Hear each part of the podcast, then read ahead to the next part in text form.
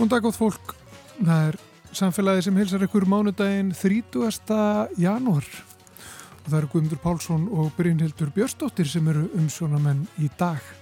Manginni skilgrinni svo oft frá öðrum dýrategundum sem svo að við séum hugsandi verur, en hvað er hugsun? Þessi spurning var yfirskrift fræðslufundar af vegum íslenskrar erðagreiningar sem haldin var á laugadaginn.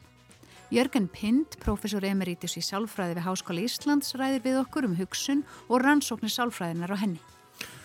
Fyrir nokkrum dögum var stopnað félag Lækna gegn umhverfisvá og markmiðin eru meðal annars að standa vörðum líðheilsu, hveti til sjálfbarar þróunar, hveti til upplýstrar umræðu um náttúru og umhverfismál sem byggir á vísendalögum grunni og fræða fólk um áhrif umhverfis á heilsu.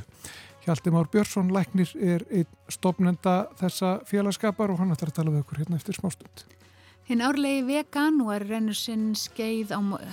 Hinn árlegi, hið, hinn árlegi veganúar mánuður rennur sitt skeið á morgun en í tilefna þessum vitundarvakningamánuði um dýra og umhverfisvend var haldið málþing síðasta 50 dag á vegum samtaka grænkera á Íslandi undir yfirskriftinni kvalveiðar og áhrif þeirra á dýralíf, vistkerfi og ímynd Íslands. Við fáum valgerði árnadóttur formann samtaka grænkera til okkar. Svo eru málfarsmínutan á sínum stað en við ætlum að byrja á uh, að komast til því hvað það er sem læknum liggur á hjarta. Við kemur um hverjusmálum. Þannig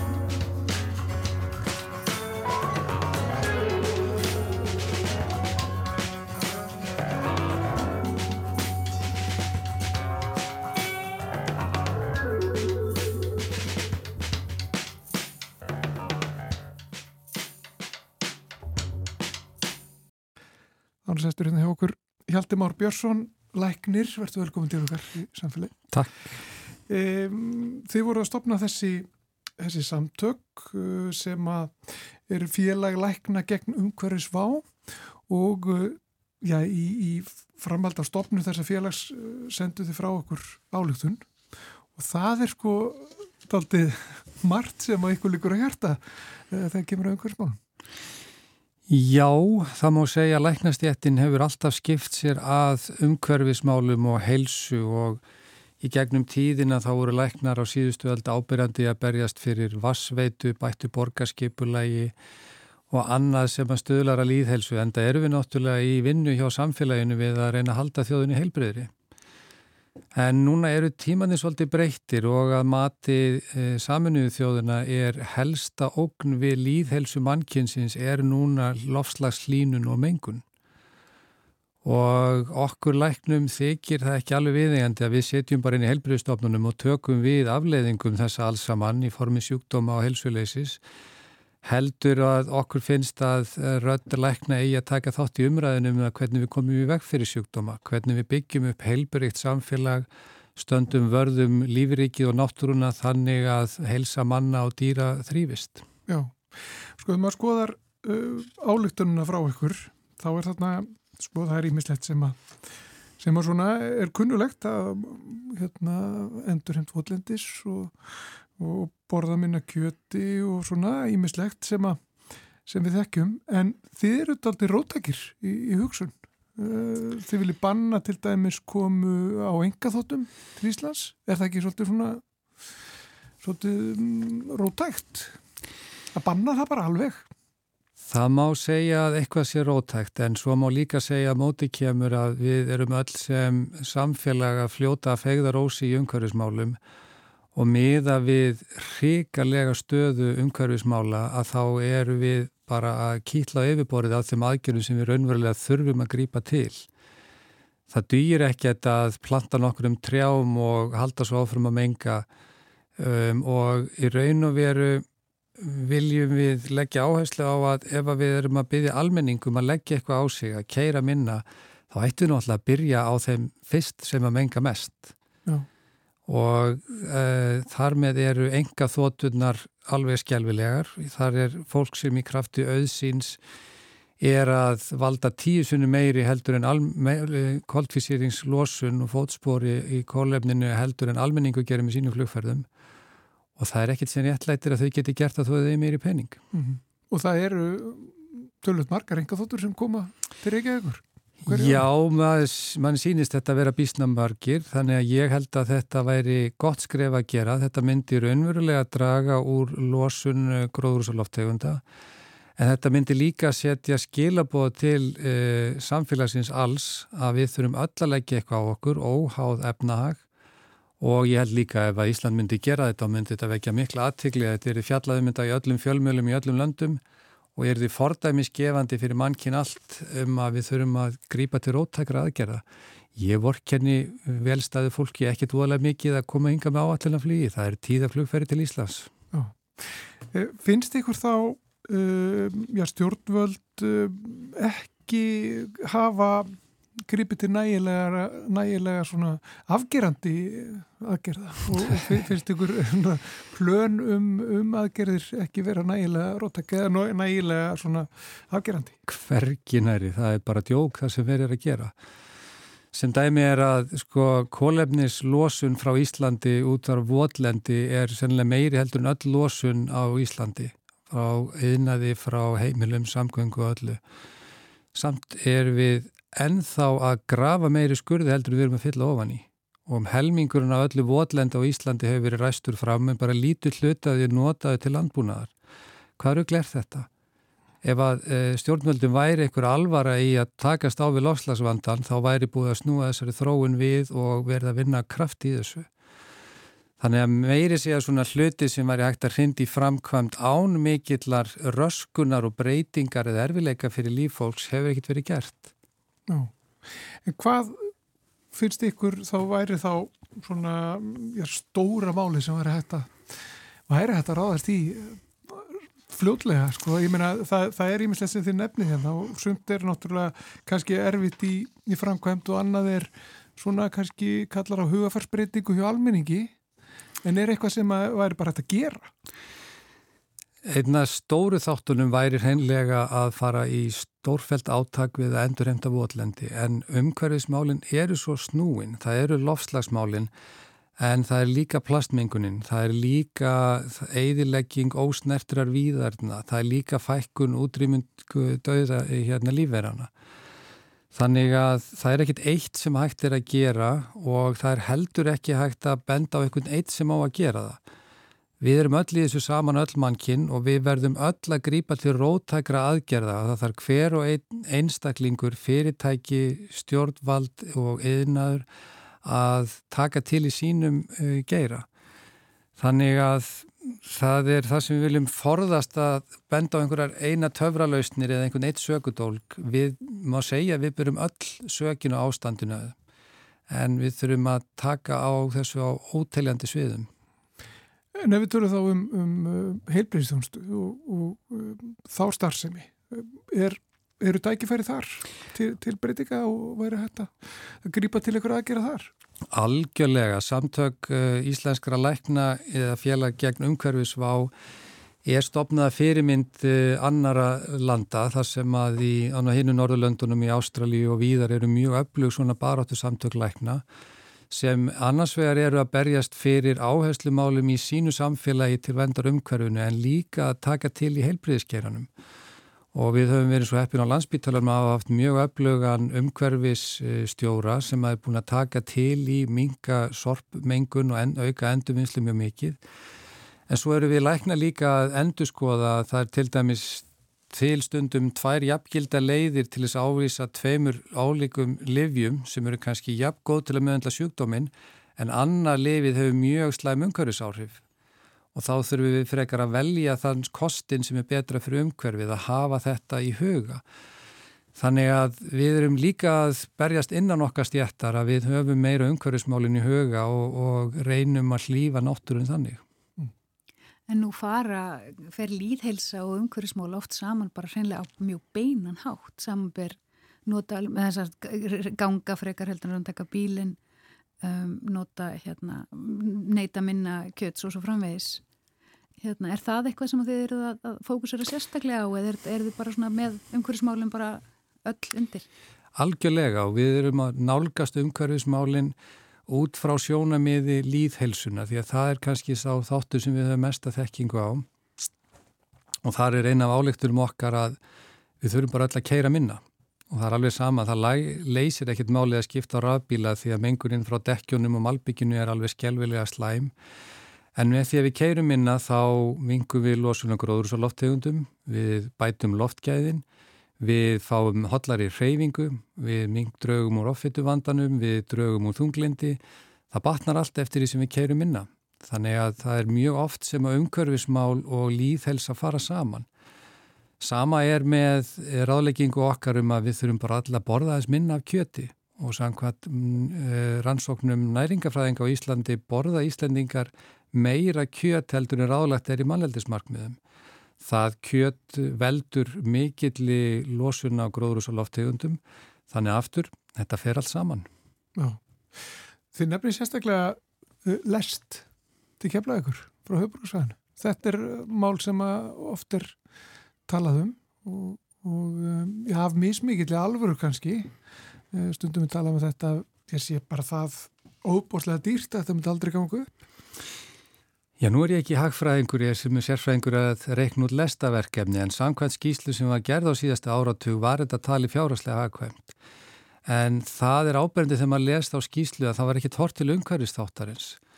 Þannig að þegar núna er verið að keira þarna, hvað er þetta, 2 miljónir manna eftir Reykjanesbrautinni á hverju ári með mengandi díselurútum og jáfnvel þó við skiptum yfir í ramagsrútur þá fylgir mjög mikið af mengandi eitruð örplasti af dekkjónum af þeim. Þannig að þetta er bara eitt af þessum rótækum málum sem að rýma við þær breytingar sem þarf að gera á Íslandi og ég held að sé laungu tímabært að við innlegum lesta samgöngur á Íslandi eins og öðrum séðuðu löndum. Já, er, sjáu þið fyrir ykkur að beita ykkur sérstaklega í þessu mál? Við sem félag eh, stefnum bara að því að taka meira þátt í umræðinni og láta sjóna með líð, heilsu og náttúrunar heyrast meira. Og við sem læknar eru mjög vön að lesa vísindaransóknir á floknumálum og mynda okkur álita á því. Og þess vegna er engin vafi núna að það er til dæmis ennþá leynast einhverju sem að hafa ekki kynnt sinn vísindi nægilega vel til að skilja að hamfara hlínun jarðar er staðrind og hún er að mannavöldum. Eh, þó að eh, einhver haldiði fram á 2 pluss 2 séu 7 þá eru þeir samt fjórir og við vitum að það er bara staðrind að þetta er að gerast hættum að rýfast um staðrindirnar og förum bara að bregðast við í samræmi við vandan eins alvarlegur og hann er mm -hmm. Annars sem er nefnið uh, í ykkar álugtun er fráveitumál í þérpili og, og þetta er ekki endilega mikið rætt sem umhverfsmál. Nei, það er, fólk er ekki alveg meðvitað um það en á, á síðustu öld var sett reglugerð um fráveitumál og ég held að sé eitt af þeim 28 sveitafélögum sem að hún gildir um sem hafa einleitt það sem stendur í henni. Og Íslendingar eru langverst allra Evrópu þjóða í fráveitumálum og meir og minna allt skolp rennur bara beint út í sjó og oft bara í fjöruborðunum. Og fólk gleymir því líka að skolp er ekki bara kúkur og piss, heldur er í skolpinu því miður gríðalegt magna plasti og öðrum eituröfnum sem að þarf að hreinsa þannig að þetta fari ekki út í lífrikið. Þannig að þetta er bara til skammar hvað við Íslendingar erum hörmulega lélegi í þessu og þetta er eitt af þeim málum sem þarf þjóðar átaki í að laga. En er það, er það getur það hreinlega verið bara hilsufars eh, sko vandi sem að, sem að það hefur í för með sér? Já sko allur umhverfisvandi endar sem hilsufarsvandi. Mm. Við erum lífverur, við erum háð sambíli við náttúruna og all, allt sem við gerum til þess að skemma náttúruna á endanum býtur okkur tilbaka og veldur okkur helsutjóni. Og til dæmis er örplastið svona núna í, komið út um allt, það er áætlað að hver íbúi jarðarinn að sé að borða um það byrj eitt kreditkort af e, plasti af, á hverju viku í formu örplasts. Það er örplast í drikjarvatninu okkar og gvendabrunum, það er örplast í sjónum, í fiskrinum okkar. Þetta er komið út um allt og talsveru hluti af því er vegna þess að við hreinsum ekki skorpið þar sem eru til aðferði til að ná þessu úr áður en það fer út og eigða þið með betri hætti. Þannig að já, vandamál er bara svo mörg í umhverfismálum og það er svo brínt að við all skiptum um gýr hvernig við umgöngust þetta. Já. En þetta til dæmis er, er gríðala dýrt að setja upp svona búnað og sveitafjöluðin kannski eiga erfitt, erfitt með það. Er, er skortir upp á bara reynilega forgámsröðun í, í samfélaginu einhvern veginn um að, að forgámsraða þá fjármunum til dæmis í frekar í, í slík mál?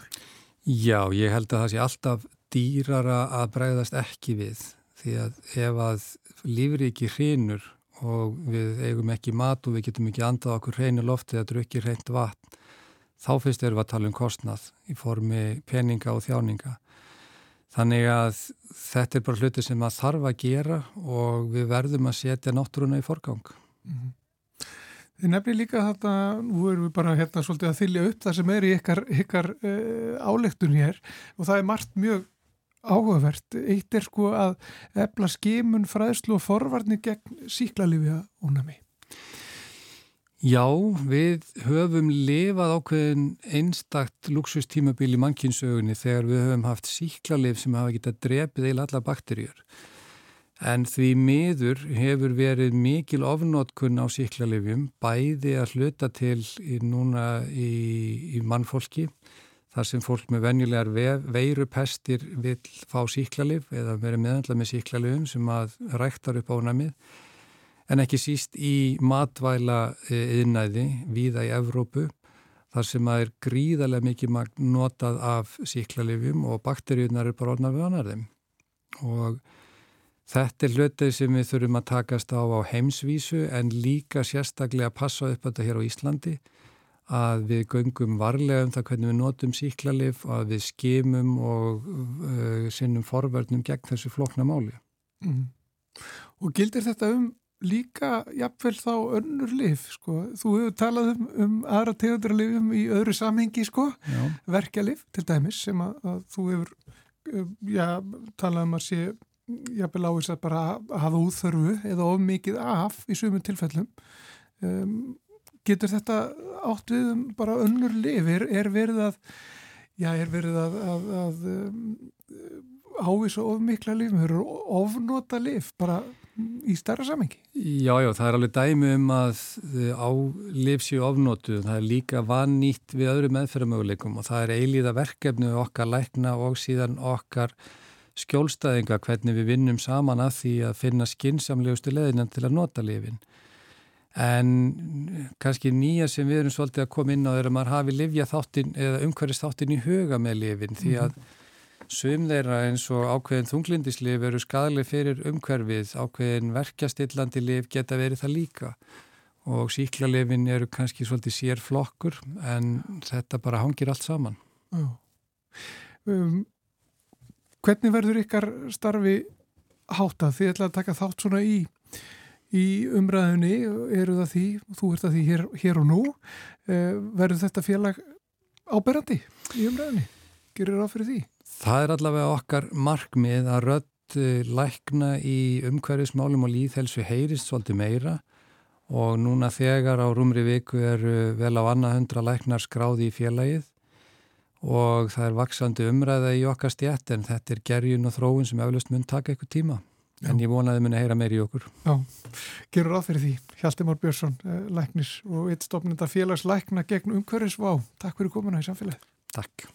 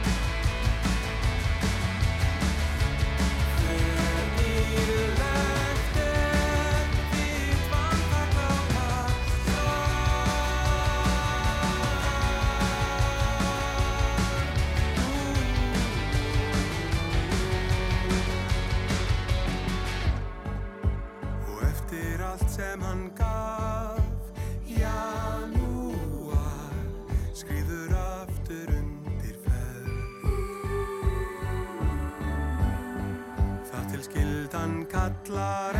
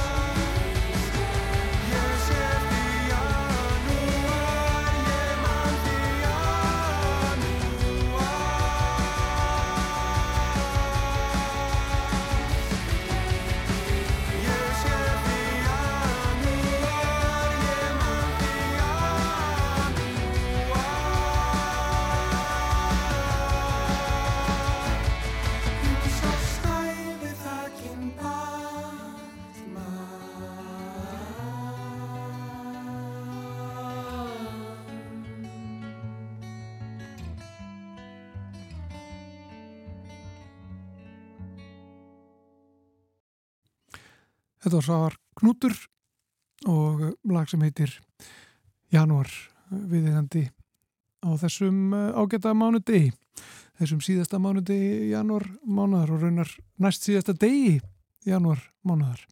En áfram heldur við með samfélagið. Hvað er hugsun var yfirskrift fræðslufundar á vegum íslenskrar erfðagreiningar álega daginn var. Þar komu saman ímsir fræðimenn og fjalluðu um hugsun frá ímsum sjónarhóttnum og við höfum fengið til okkar Jörgen Pind, professor emeritus við Háskóla Íslands í Sálfræði, en hann var eitt þeirra sem að flutti erindi á fræðslufundinum. Mér langaði aðeins til að byrja á því svona bara að varpa til þessari spurningu hvað er hugsun? Já, það verður nú að segja þess að er það er ekki til einfalt svar við þeirri spurningu. Við getum sagt hugsun, eða við hugsum yfirleitt um það, minnst ákvæmst, eða hugsun sé eitthvað sem framferir huganum, einhvers konar hugarstar sem er þá, beinist að ákveðinu marki að leysa þrautir, hugsa röggrænt og svo framvegis, og tengjum við það mjög oft við orð. En eh, hugsunin er ekki einskorðu við orð, því ég mynda mér að tónskáld til dæmis eh, hugsi í tónum, málarar í litum, og handverksmenn og konur láta hug og hendur vinna saman. Þannig að einföld skilgreining á hugsun er ekki til. Nú það er nokkuð frækt að heilagur Ágústínu sem var uppi um 400 eftir Krist sagði einhverju sinni ef ég er ekki spurður um tíman þá veit ég hvað hann er en um leið og ég er spurður þá veit ég það ekki. Og eitthvað svona getur líka átt við um hugsun. En sálfræðin hefur auðvitað fjallað um hugsun eiginlega frá byrjun en þá hefur verið reynd að þrengja viðfangsefni, fjallað um svona einhverja ákveðna tegund hugsunar. Og svo kannski rétt í lokin get ég nefnt að stundum hugsum við jafnvel með líkamannum og við getum kannski vikið að því síðar. Af því þú talaður um að hugsunin væri of svo oft tengt orðum. Er það eitthvað sem við hérna, notum þá, hvað ég var að segja, er þetta, þetta, þetta innra samtal? Er hugsunin í rauninni kannski bara annað orði yfir það? Já, það getur verið það sko og, og hérna, ef maður lítur á sagt upphaf uh, sálfræðina sem verður hérna í lok 19. aldar að þá er hugsun efni sem að hún tekur til umfjöllunar eða strax í byrjun og er þar undir áhrifum frá heimsbyggingum, sérstaklega enska heimsbyggiskólanu svo kallaða, frá Thomasi Hobbes og fram til John Stuart Mill á 19. ald. Og þeir hugsuðu mikið, eða fjalluðu mikið um svo kalluð hugtengsl, hvernig einn svona hugmynd vaknar og, og kallar þá fram aðrar hugmyndir. Og uh, hugsuðu sér að þetta gerðist alveg sjálfkrafa og automatíst og uh, þessar hugmyndir uh, voru eiginlega alltaf færðar í orð þannig að þarna í byrjun þá kem, kemur þessi áhersla á svona einn að orðin skipti miklu máli fyrir hugsun og uh, þegar menn er að glíma við þrautalösnir þá er oft sagt, eitthvað orðalega á einhverju þraut sem menn þurfa að glíma við og svo framvegis. En auðvitað getur þrautalösn líka snúist um, um svona myndræna þrautir og annaði þeim dúr. En það hefur frá upphafi verið þessi mikla áhersla á, á orðin. Hugtengsl tengjast líka mjög oft minningum, jafnvel líkt og bræði og það er mjög algengt um bensku minningar. Ég kann nú deitt dæmi af sjálfum mér. Þannig var þegar ég var strákur þá var ég stundu sendur til Danmörkur til sumardalar. Var meðal hans á frængu minni sem að e, ræktaði græmmiti og seldi á græmmitismarkaði. Og ég hjálpaði til þegar ég var sjö ára eða eitthvað sluðis við að skera steinselju og bregða tegju utanum uh, steinseljuna og sitja í kassa og svo að fara með þetta á markaðinn. Og það er náttúrulega kemur alltaf fram mjög sterk líkt af steinseljuna þegar hún er skorinn og uh, þegar að hérna ég svo núna stendi í eldúsunni mörgum áratugum síðar og er að skera steinselju þá vakna alltaf minningar um, um, um þetta uh, þennan bensku tíma minn þetta í Danmörku. Nú það er nú mjög frækt dæmi um þetta í einu af höfurutum heimsbókmentana. Ég leitaði glötuðum tíma eftir Prúst sem að hérna dýfði Magdalena í te og beit í og uh, þá hrönnuðust upp bensku minningar hans og úr var tíu binda skáldverk eitt af höfurutum heimsbókmentana. Þetta er svona, uh, þetta er byrjununa á rannsóknum á, á, á hugsun í, í, í sálfræðin allavega, það er í þessum hugtengslum. En síðan hefur verið farið náttúrulega víðar og, og, og ímsér aðri sálfræðingar komið að því að þróa annars konar kenningar um, um hugsun og, og frægar til dæmis þær sem að Wolfgang Köhler, þýsku sálfræðingur, gerði 1914 til 20 á því sem hann kallaði innsæi og það endar hjá simpönsum eða öpum. Nú fram að þeim tíma var talið að dýr hugsuðu, þau hugsuðu yfir höfuð eh, með svona einhvers konar happ og glapp aðferð. Köttur er tekin og hann er settur inn í búr og þá er einhver fótstígi, einhvert fótstígi þar sem að ef hann stígur á þá opnast búr og hann kemst út. Og kötturinn bara ráar fram og tilbaka í búrun og veit ekkit hvað hann er að gera, hann vil komast út, krafsar í búrið og svo framvegis. En svo fyrir einhverja tilvílun, þá er einhverjan fótinn í þetta fótstíg og upp líkst búrið og hann kemst út og eftir það kann hann þetta. Þannig að þetta er það sem að menn hafa kallað happ og glappaði fyrir. Detta bara niður og laust. En eh, Köhler gerði þessar aðtöðunar simpönsum, þess að það næla sér í banana eh, og hérna sem var svona utan seilingar. Og eh, hérna eh, byrjuðu kannski með einhverju hap og glappa nálgun en, en komist að því að, að, að hann var oflangt í burtu bananinn til þess að þeir getur nálgast hann. Svo að eh, þá svona eins og Köhler lýsir þessu þá settustu niður og fóru eins og að hugsa og svo allt í einu þá standaður upp og byrja að stapla upp kossum og búa að setja tröppur og príla svo upp tröppurnar. Eða ef einhver kassar voru nálegir að þá sjá þeir bambustangir og þær eru ofstutta til þess að þeir geti náðu upp í bananan en með því að taka þá mjóri og stingin inn í þá breyðari þá geta þeir náðu í bananan. Þannig að þetta voru þessa frægur rannsóknir köles á innsæi og ég get kannski skotið því að þessar rannsóknar voru gerðar á því sem er núna kannski uppáhaldsstaður Íslendinga, það er að segja Tenerife. En hann var innleiksa þar í fyrir heimstyrjöldinni, en þar var mikill apadýragarður sem hann gætt nýtt sér. Þannig að sagt, kenningar um hugtæðinslu og innsægi, það er það sem við myndum kalla klassískar hugmyndir innan sálfræðinar. En nýri hugmyndir og rannsóknir hafa svo verið gerðar innan hugrætnar sálfræði sem svo heitir á síðustu áratugum. Og þar eru mjög fyrirferða miklar rannsóknir á svona ýmsum takmarkandi þáttum í, í hérna, hugsun. E, því að oft finnst okkur eins og við séum algjörlega e, sagt, óháð öllu þegar við erum að hugsa, að, að við bara ráðum okkar hugsun. En það er ekki alltaf svo. Og það eru tveir bandaríkjamenn, uppálega komuður nú frá Ísrael, Amos Tversky og Daniel Kahneman, sem að e, eru einhverjum þekkti fyrir að hafa rannsakað þetta og rannsóknar snúast sem sagt einhverjum um það hvernig hugsun fólks víkur oft kerfisbundir frá því sem mætti alltaf verið skinsanlegast og mannleg hugsun einkennist ofta margs konar slags síðu og sem dæmi um það þá er hugsunin oft akkerisbundin eins og þau kölluðu það eða ankort og það er nú fræk sálfræði til hann sem þeir gerðu fyrir nokkrum áratugum að vísu þar sem að þáttakundu voru bennir um að gíska á hundras hluta Afrikuríkja sem ættu aðelda saminuðu þjóðunum. Og áður hafði lukkuhjóli verið snúið og uppkom í minst talan 10 eða 65 nú hjólið lög stjórn tilrönamanna og eh, talan á lukkuhjólinu stendur auðvitað ekki nokkru sambandi við spurninguna en hún hafði samt verulega áhrif á ágiskun þáttakendana hefur samt beðinir um að svara spurningunni er það hærri að læri tala heldur en svo sem kom upp 65 eða, eða 10 og eh, ef að hærri talan kom upp þá sögðu menn já, svona um 45% Afrikuríkja eru í saminuð þjónum en ef að svo lága kom upp 10% þá sögðu þeir 25% það talan svona tógar menn til sín eh, þannig að, að þó að mennum ætti náttúrulega að vera ljóst að tala á lukkuhjóli getur ekki haft neitt með þetta svara að gera en það er samt sem aður hefur að þessi áhrif. Þannig að þetta er nú svona þekkt dæmi frá þeim og það er ímis fleiri dæmi um, um leiðsagnarreglu til dæmis sem að fólk fylgir.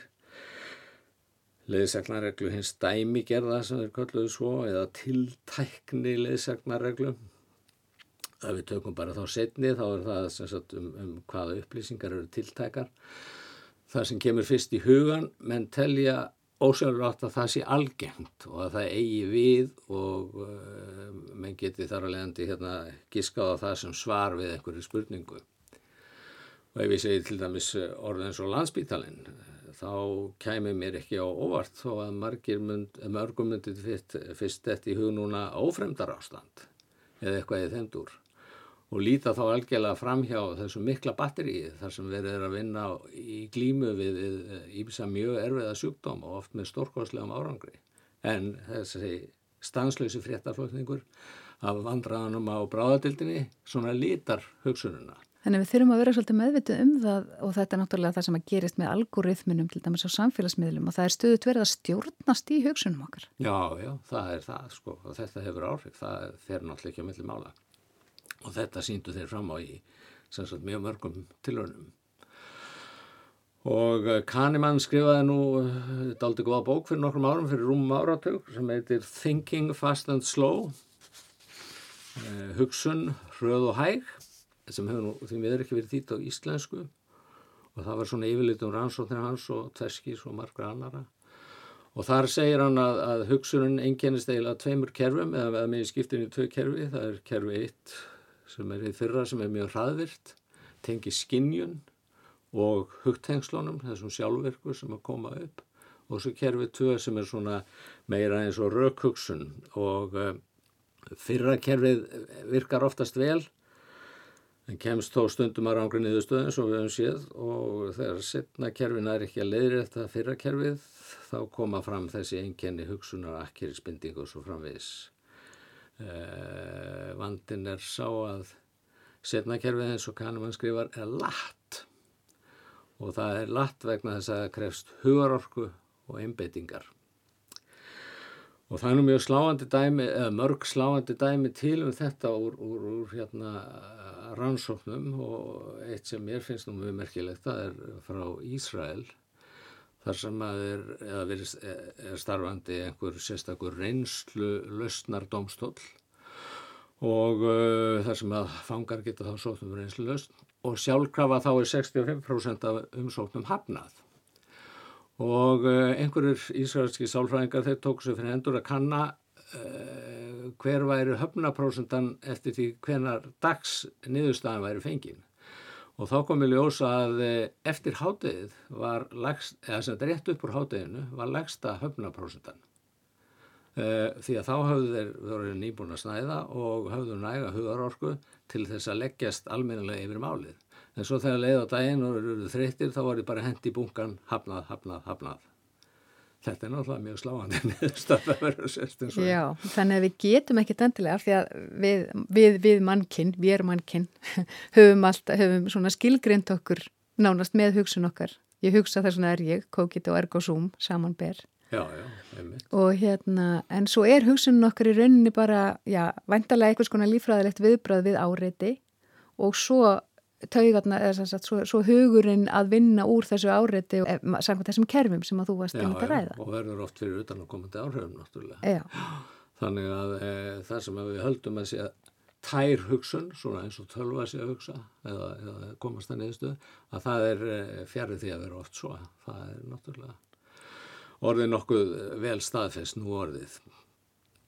en, en hérna í okkar svona að því að þú ert sálfræðingur, þá er ég aðeins að velta fyrir mér hvort að uh, hugsanirnar okkar getur stundum verið okkur beinlínis óhóllar eins og til dæmis ef við erum kvíðin eða streitt eða undir á, einhver álægi að, að hei, hugurinn og hugsaninnar geti rauninni bara gert okkur óleik með því að, að vera stöðugt í, í stöðugt í þessu samtali eða stöðugt í þessu, þessari vinnu. Það verður hygglust að svara þessu játandi. Hugsanir geta oft haft neikvað áhrif. Það er náttúrulega þekkt í, í svona fyrirbærum eins og þunglindi og þess að þar og jafnvel líka í maníu, tískötaröskun. þar sem að hugsanir svona missa eiginlega tengsl við raunveruleikan ekki satt og uh, það getur verið mjög erfitt að rjúfa þessi hugsanaferli og uh, sem er náttúrulega það sem er unni með í, í, í sálfræðilegri meðferð og, hjá geðlæknum og sálfræðingum og svo framvegis. Eh, annað dæmi það er í áráttu og þráhyggjuröskun þar sem að einhver þráhyggja býtur svo um sig og, og þannig að fólk losnar ekki við hana. Og uh, kemur oft fram í ákveðni hefðun, þekktu dæmin er náttúrulega hérna, þetta með handtóttin að menn þurfa líflega að vera hérna, forðast að smitast og svo framvegis. Og það er náttúrulega oft skynsalegt samanber COVID-tímana en uh, stundum getur það gengið of langt og, og ef að það fyrir að vera svona hamlandi í daglegu lífi fólks að þá eru við komin út fyrir hinn eðlugum mörg og þá er hugsunum farin að hafa neikvað áhrif farin að draga fólk niður það er alveg klárt að það er þannig Þú nefndir hérna uppálega að kannski hugsun við stundum með líkamann. Já, það er hérna mm, eh, merkilegt að segja frá því að brautreiðandi íslenskra sálfræði hétt Guðmundur Finnbóðarsson, fættur 1873 í Sári Fátækt norður í landi, braust til menta og útskriðast með mestarprófi í hinsbyggi með sálfræði sem aðalgrein frá Kaupmæðvar Háskóla árið 1901. Síðan var hann doktorsritgerð þarna við Kaupmannafnar Háskóla árið 1911 með ritgerð sem að heitir Samúðarskilningurinn og það er bísna merkileg ritgerð því að þar heldur hann því fram að, eh, og ég ætla að fá eh, með smá tilvitnum hérna í hann, þegar við erum virðum vel fyrir oss formhluta eða reyfingar þeirra eða hlustum með óskiptri aðtrykla hljóð, þá vaknar löngum hjá oss neyð til að líka eftir því sem við sjáum eða heyrum, líka eftir því með vöðvarreyfingum sem verða í líkömum vorum. Og þetta verður til þess að við svona komumst í sama ástand eins og fólk sem við erum að fylgjast með, horfa á. Ef einhver er mjög gladur þá verður við glöð, gleðin smittar yfir í okkur. Ef einhver er mjög sorgmætur þá smittar sorgin. Og eins og Guðmundur orðaði það, við höfum neyðu til að heikjast með hoknum og keikjast með keikum. Verðum þess að sorgmæt með hennum sorgmæt og glöð með þeim sem eru kátt og glöð. Og þetta gerist alveg ósjálfrátt og mótar hugsununa. Þannig að e, ég held að Guðmundur Finnbóðsson hefði sagt að já, við hugsun stundum með líkamannum. En ertu þá sammála því að, að hugsunin sé það sem gerir okkur að því sem við erum? Gerir okkur að og ergo saman ber aftur, og ergo sum, ég hugsa og því er ég. Já, þetta er náttúrulega frægsetning frá Descartes, hvað voru orðuræðum aðferð, einhvern tíman á 17. öld. og það sem að Descartes var nú að velta fyrir sig, það var hvað get ég vita með vissu? vegna þess að rétt áður þá var hann búið að kollvarpa heimsmyndinni jarðmiðjukenningunum var ítt til hliðar og sólinn sett í miðju alheimsins þannig að það er stikki lengur verið að hægt að treysta á sagt, vísindinum umhverfið er eitthvað sem getur örugur um. Og hans neðustaf var svo að já, hann hugsaði og, og þess vegna væri hann til, hann, hann gæti ekki neita því. Og svo vildi hann vinna út frá því til þess að sagt, koma þekkingun á, á fastan fót. Og það er náttúrulega alveg rétt, en, og upp úr þessu sprettur náttúrulega einn mikla deila í hinsbygginni, sálfræðin og víðar, svo sem í taugavísinu líka, um, um tvíhyggjuna, um, um sagt, sálin annars vegar og, og svo líka mann hins vegar. Og, það er náttúrulega mjög merkilegt að, að það gengur mjög erfilega að, að finna þeim samleið. Og ef við til dæmis hugsaum um dæmi eins og ef maður opnar augun og horfir í kringu sig að þá það sem gerist er að ljósið kemur frá eh, hérna endurrappast frá hlutum í umhverfinu skella á, á sjónunni inn um augun og hérna erta uh, stafin á keilunar í sjónbotninum og það leðast það eftir sjóntöginu upp í stúkur sem er partur á heilanum, þaðan aftur á nakkan, síðan í nakka hérna, uh, blað heila barkarins, þaðan upp á kvirvilblaðið, þaðan aftur niður á gagnaðablaðið og ef við erum að sjá til dæmis andlit, að þá endar það hérna undir, gagna, eða, undir heilanum fyrir innan gagnaðað. Þannig að þetta er heilmikið ferðalag sem að þessi sjónbúð að fara en við höfum náttúrulega ekki hugmyndu um það. Það eina sem við gerum er bara að við opnum augun og við sjáum. Og maður segir nú eiginlega sem betur fer höfum við ekki hugmyndu um það vegna þess að ef við verðum að fylgjast með þessu þá náttúrulega kemum við einhver í verk. En þarna sem sagt er heilin, hann er náttúrulega þetta efnislega fyrirbæri og það er eitthvað sem er fram og eitthvað sem er aftur og í honum og eitthvað sem er vinstramenn og eitthvað sem er hægramenn og upp og niður og svona veist. En hugurinn er einhvern veginn allt öðruvísi, hann er bara eins og, þú kartsaði eins og punktur, eins og sálun er eins og ódeilanlegu punktur. Og ég held að það merkilega, þó að það verður stórkastlega framfærir í að, að kortleggja starfsemi heilans, sérstaklega núna síðustu ára tíuna með heila skönnun og starfrætni e, segulómun, að þá eru við empínliti á sama staðlótu kart með hérna, þessi aðgreiningum millir hugar og, og, og heila. Hún, hún, hérna, hún reynist flókin. Og einhverju heimsbyggingar eru nú orðin svo djarfir að halda því fram að mannleg skynsemi sé ekki gerð til þess að fjalla um þessa hluti þannig að við munum aldrei skilja þetta. En hvort að það er rétt eða ekki það verður náttúrulega bara að koma í ljós. En þetta er ekki viðlisari kenning en hver hannur held ég Jörgen Pind, professor emeritus í Sálfræði við Háskóli Íslands. Takk kærlega fyrir komuna í samfélagið. Takk fyrir mig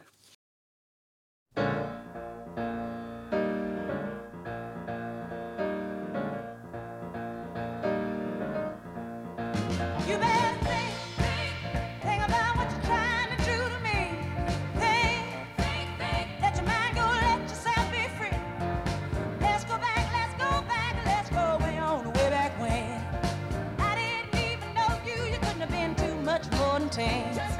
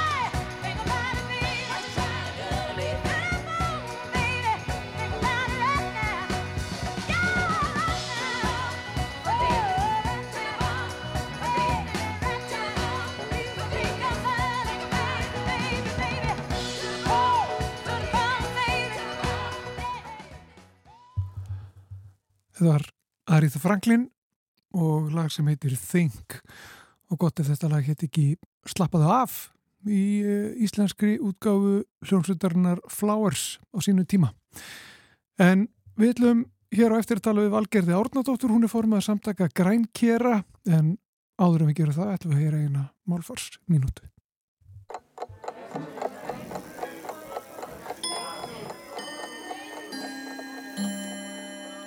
Undanfarið hef ég hallast æg meira að því að mím, M-I-M, sé besta íslenskunin á enska hugtækinu mím, M-E-M-E.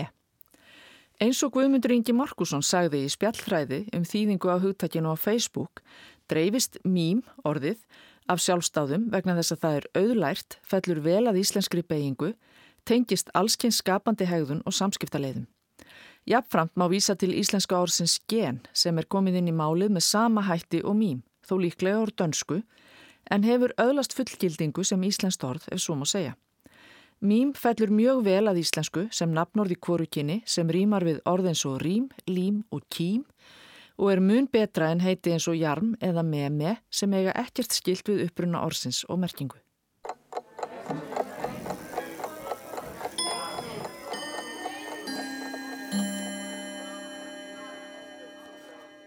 Uh, veganúar uh, klárast á morgun eins og janúar en í tilefna þessum vitundarvakningamánuði um dýra og umhverfisvend var haldið málþing síðasta femtudag og vegum samtaka grænkera á Íslandi undir yfirskriftinni kvalveiðar og áhrif þeirra á dýralíf, vistkerfi og ímynd Íslands. Valgerur Árnadóttir, formadur samtakana, er komin til okkar og verði velkomin. Takk fyrir. Þetta er í sjötta sinn sem samtöku grænkera standa fyrir málþingi í veganúar. Hvers vegna eru þau kvalveðar fyrir valinu á þessu sinn? Við völdum kvalveðar í ár vegna þess að kvótin rennur út eftir þetta ár. Sá kvóti sem var gefin út 2018 til 5 ára. Þannig að þetta er okkar tækifæri til þess að reyna að hafa áhrif á það að verða ekki gefin út annar kvóti til kvalveða. Og hvaða, hérna, hvaða, hversu stóri sá kvóti? Meina, hvað er verið að veiða mikið það hvar? Já, það er uh, Hafrúsrannsóknarstofnun sem að reiknar það út og ég veit að kvótin í fyrra var eitthvað um 160 langriðir uh, og Kristján Loftsson og Kvalur EHF uh, veitu 148 af þeim kvóta. Já, einmitt, þannig að þetta er alveg tölur slatti af, af, af dýrum. Já, það er um 3000 tonn af kvalkjöti núna og leð til Japan sem að Kristján Lótsson hefur selgt þangað. Það er okkar eini viðskiptavinnur. Og já, og, og það er þá vendarlega markaður fyrir það þar? Sko, það er nefnilega ekki markaður. Um, kvalkjöts átt í Japan hefur dreyðir saman um 99% á síðustu 30 árum. Uh, en einhver hluta vegna þá ætla Japanir að reyna svona í síðasta sinn að fá Japani til þess að borða aftur meira kvalkjött og eru komin í gang með markasherferð þar sem að þau ætla að koma kvalkjötti inn í skólamötuniti inn í hundra verslanir og eru komnir með kvalkjött uh, á bóðstólunum í svona sjálfsölum sem eru víða í borgum í Japan. Og þeir hafa gert samning við uh, Ísland sínist mér, um, nú hef ég ekki séð hennar samning, en þeir segjast munu kaupa 3000 tonn af kvalkjöti frá Íslandi næstu árin uh, sem er náttúrulega svolítið óhugulegt vegna þess að það er ekki eins og búið að gefa út kvóta. En Kristján Lóftsson greinilega telur hann muni bara fá að halda áfram þessum veðum sínum og virðist hafa gert samning án þess að spyrja kongni prest. En uh, þið töluðum kvalveðar í, í víðu samhengi til dæmis bara gagsemið kvala fyrir umhverfis, fyrir bara umhverfið burt sér frá því að þetta eru dýr sem að hérna bara eru, eru náttúrulega bara eins og hverjunir dýr veitt og, og, og snætt en, en hérna en kvalir hafa mjög jákvæð áhrif á umhverfið, ekki svo?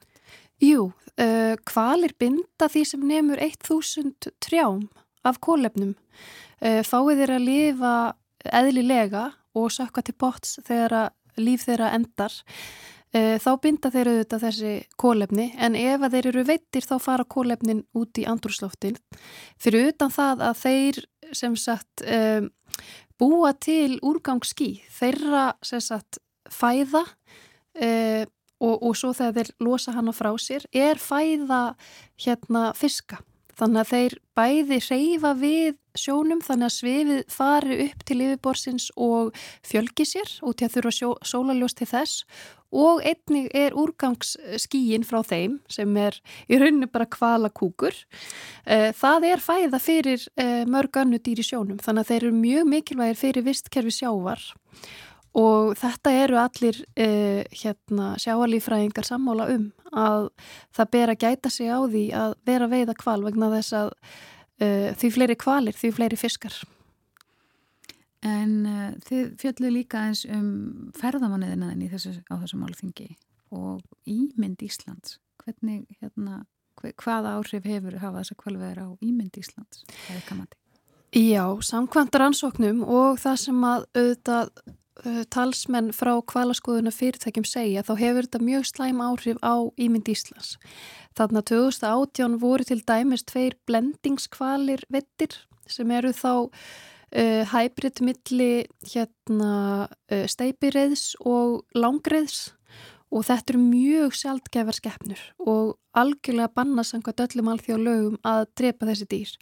En Kristjánu Loftsson tókst að drepa tvö, uh, tvo kvali af þessari tegund uh, og þá varð al alþjóðsamfélagi mjög reitt og uh, kvalaskoðunar fyrirtækin á Íslandi sem að velta töluvert mikið meira uh, hérna í peningum talið heldur en uh, hvala, hval veiðarnar gera nokkuð tíman, þau fundu fyrir því þá að það var verið að afbúka ferðir með þeim vegna reyði og einni bara uh, í þeim ferðin sem við fara, þegar að fólk fréttir af því að við erum enn að veiða hval, þá verður það mjög reitt uh, og starfsfólk hvalaskoðuna fyrirtækja þurfa stöðut að reyna að afsaka eitthvað sem að er í raun algjörlega óafsakanlegt að við séum bæði að sína kvalin og sína hvað eru mikilfenglegar og flotta skeppnur og, og svo að veiða þær á þennan líka hryllilega máta sem að þeir eru veitir þar sem þeir kvæljast í langa tíma. Já, hefur það ekkert brist? Svo, það var, var í umræðinni fyrir tölvört mörgum árum. Hefur það ekkert brist hvernig hérna, þessi, þessi veiði aðferðir og, og þessar langvinna döðastrið? Nei, það, það hefur ekki breyst, það hefur ekki verið fundna neina betri aðferðir til þess að drepa kval heldur en uh, að, að senda sprengiskutul á þá. Þetta er skutul sem að springur inn í þeim og ef að þeir, ekki, þeir hitt ekki almennilega þá náttúrulega særi stýri bara og þeir þurfa að sprengja aftur. Og rannsóknir frá Noregi sína það tekur allt frá 6 til 25 mínútu fyrir dýrið að deyja síðan hæfður í fyrsta skoti. En svo tekur 8 mínútur fyrir uh, þá sem er að skjóta að hlaða aftur sprengjuskutulinn. uh, þannig að þið geti ímyndað ykkur þegar uh, ekki, þeir hitt ekki fyrsta sinn sem að gerist mjög oft þá þarf dýrið að þjást í mjög langa tíma til að það er skotið aftur. Uh, og það er eitthvað sem við sáum því miður síðasta sömar uh, í mörg tilvik þá hafði verið búið að skjóta dýri oftar en einu sinni með sprengiskutli og einu sinni sáu vittni meira sem voru að taka myndir af þessu þannig að við uh, kvalstöðina upp í kvalfyrði að það hefði líka verið skotið á dýri með bissu eða rifli. Þannig að já, þetta er mjög langt döðarstríð og, uh, og í rauninni brítur það í báa við velferð okkar uh, lögum velferð dýra þar sem að er tekið fram að það megi ekki kvelja dýr þegar það er drefið. En við þarfum Íslandingar, nú er til dæmis komið þorrablót og kvalur og kvalkjött og súr, súr kvalur alltaf hluti af, hérna, hluti af, af, af þorrabakkanum okkar. Hversu mikið kvalkjött borða Íslandingar? Já, samkvæmt rannsóknum frá Gallup 2017 uh, þá uh, erum 1% Íslandinga sem að sögðist borða kvalkjött reglulega og það voru heil 81% sem að segast aldrei hafa smakkað kvalkjött. Þannig að þetta er ekki að fara á marka hér fyrir utan að langriðakjött hefur aldrei verið eh, eitthvað hluta á okkar menningu. Það hefur verið hrefnukjött og við erum ekki lengur að veiða hrefnur. Uh, það hrefnukjött sem hefur verið að marka hér undan fyrir ár kemur frá Nóri. En nú líkur veganuar, sem er náttúrulega bara januar í veganbúningi mm -hmm. á mhm. morgun, Uh, hvaða, svona, hvaða áhrif finnir þið innan samtaka grannkjara af, hvað, hvaða áhrifin finnir þið fyrir af þessum veitundavakninga mánuði? Sko, þetta var alveg frábæð mánuður og það var mjög góð þáttaka í honum. Uh, við vorum mjög spennt vegna þess að við höfum haldið þennan mánuð síðustu tvö ár bara í heimsfaraldri og ekki hitt fólk en nú mætti fólk og það var bara fullt hús á flestum okkar viðbyrðum og það er auðvitað sérstaklega unga fólkið uh, sem að vil taka upp þennan lífstíl og það sést bara að þau eru með uh, meiri vitundum það hvaða áhrif dýraafurðir hafa bæða á umhverfi og hver uh, réttindi dýra eru bara til lífs og að þurfi ekki að þjást. Mm -hmm. En merkið þið svona, hvað maður segja, aukin fjölda félagsmanna á milli veganúara, vegana, veganúara, veganúara. Merkið þið fjölda, aukin fjölda félagsmanna sagt, að, að fólk skráir sér í félagi frekar eftir að hafa árið fyrir þessari vitundavekningu? Já, við tökum vel eftir því og uh, bara á sístu tveim árum þá hefur okkar félagsmannum fjölgað tvöfalt. Þannig að það er stöðut verið að, að hérna, auka hérna, grænkjörum í samfélaginu og vonandi bara skráðu fólksi í félagi. Ég vil endilega benda þeim á það hér með að kíkja á grænkjöri.is og skrá sig. Við viljum gertna hérna fá fleiri félagsmenn. Það er mjög mikilvægt fyrir okkar starf. Akkurat. Valgerur Átnardóttir, formadur samtaka grænkjöri á Íslandi. Takk kærlega fyrir komin í samfélagi. Takk fyrir að fá mig. Og þannig ljúku við samfélaginu þennan mánudaginn eh, komust ekki lengra að þessu sinni en það er engin ástæða til eh, þátturum búin eh, Bryndur Já, verið þið sæl. Sjálfsögðu verðum við hérna aftur á morgun. Já, og við verðum hérna á morgun. Við hefum ekki að lofa því? Lofum því. Og standa við það. Og stöndum við það. Heyrust á, verið sæl